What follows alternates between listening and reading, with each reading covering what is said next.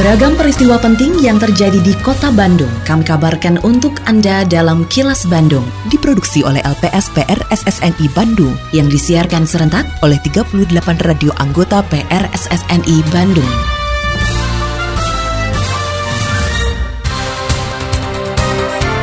Sejumlah informasi aktual kami hadirkan untuk Anda dan inilah informasi utamanya. Wujudkan Kota Ramah Disabilitas RBM Kota Bandung siap berkolaborasi. Harga kebutuhan pokok naik menjelang Ramadan, masyarakat diimbau bijak belanja.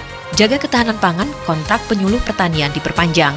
Saya, Santika Sari Sumantri, inilah kilas Bandung selengkapnya.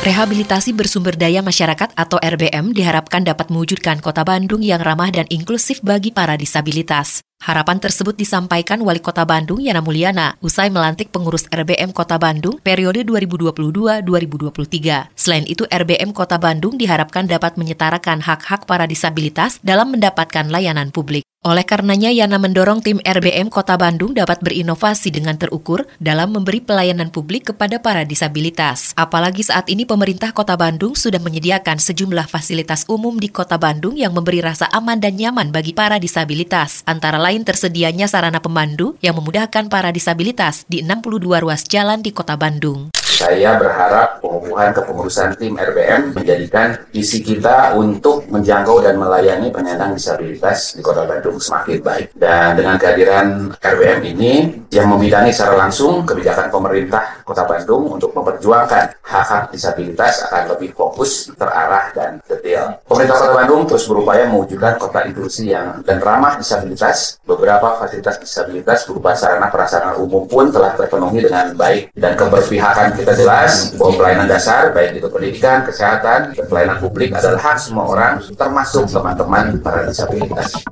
Pemerintah Kota Bandung mencanangkan program terpadu peningkatan peranan wanita menuju keluarga sehat dan sejahtera atau P2W KSS tingkat Kota Bandung tahun 2023. Saat membuka pencanangan P2W KSS di Kelurahan Sadang Serang, Kecamatan Coblong, Wali Kota Bandung Yana Mulyana mengatakan pelaksanaan pembangunan perlu keterlibatan semua pihak, termasuk kaum perempuan. Oleh karenanya pemerintah Kota Bandung telah menetapkan program terpadu P2W KSS yang merupakan program tahunan sebagai modal pembangunan masyarakat. Yana juga menegaskan P2W KSS menjadi sinergi dan kolaborasi kegiatan yang melibatkan banyak pihak dalam bentuk inovasi kegiatan penguatan dan pengembangan partisipasi masyarakat, terutama kelompok penerima manfaat. P2W KSS merupakan program tahunan sebagai modal pembangunan masyarakat yang terdiri dari pemberdayaan perempuan, perlindungan anak, pengembangan remaja, dan kepedulian kepada kelompok terpadu. Pencanangan P2W KSS setiap tahun memang dilakukan. Kali ini dipusatkan di RW 15, Kelurahan Sedang Serang, Kecamatan Coblong.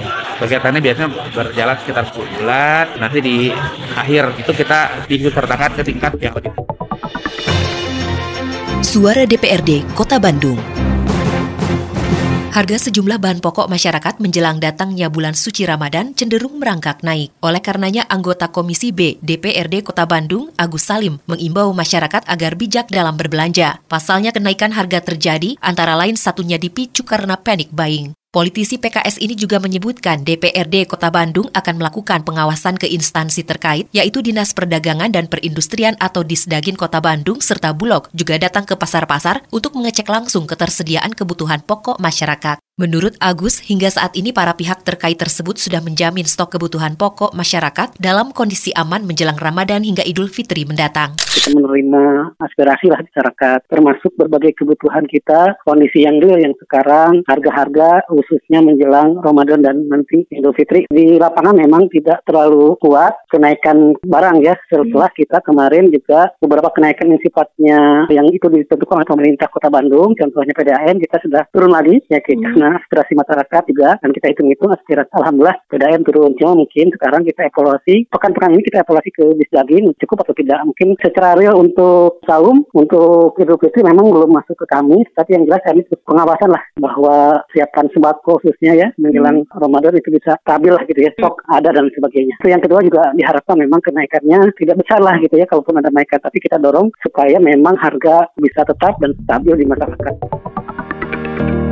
Assalamualaikum warahmatullahi wabarakatuh.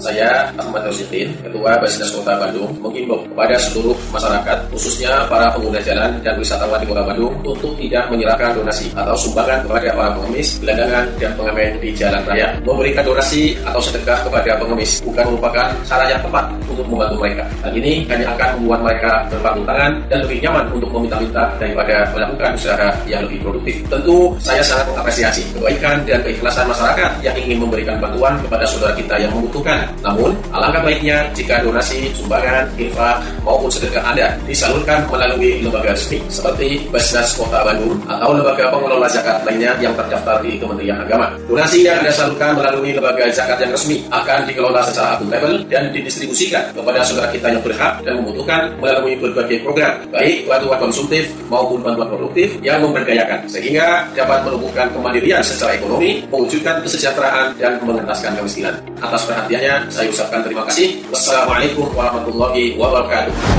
Iklan layanan masyarakat ini disampaikan oleh Dinas Sosial Kota Bandung.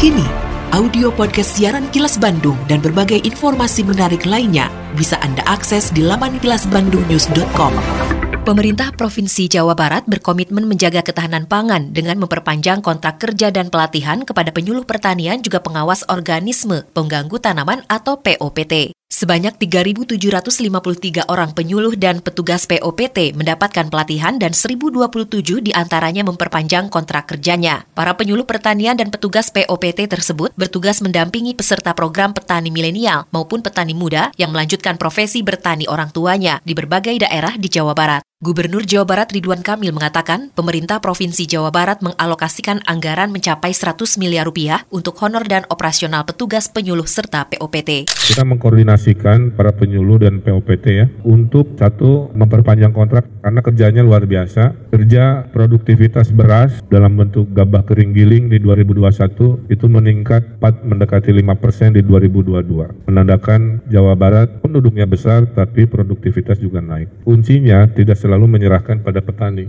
Kita investasi ke orang-orang berilmu ini untuk memastikan kita sebagai konsumen bisa nyaman aman dalam mengkonsumsi dan harganya bisa terjangkau lah ya. 100 miliaran anggaran kita sediakan untuk honor mereka dan operasional. Ini menandakan kita sangat serius untuk memastikan kedaulatan pangan hadir di Jawa Barat.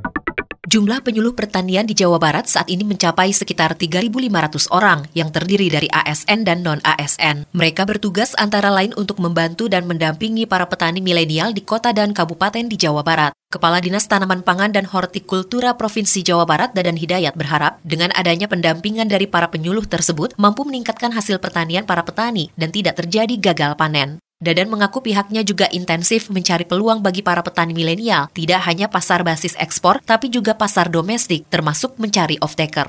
Jumlah penyuluh itu ada yang ASN dan non-ASN, kurang lebih ada 921 orang tenaga bantu penyuluh pertanian daerah, itu difasilitasi gajinya dari Pemda Provinsi. Juga ada 100, 106 penyuluh pertanian pusat, itu difasilitasinya dari pemerintah pusat, dan sisanya kurang lebih total dengan ASN-nya ada 3.500 seorangan. Tugas mereka terus mendampingi program petani milenial di lapangan lapangan ini berserta POPT-nya. POPT-nya memiliki kompetensi mereka mengendalikan nama penyakit. Taruh tugas pilih adalah ahli inovasi. Jadi POPT adalah mitra kerjanya para penyuluh lapangan. Jadi anak-anak milenial nanti basisnya ada di desa, mereka ditugasi untuk mendampingi para petani milenial. Itu secara konsepsinya harusnya seperti itu.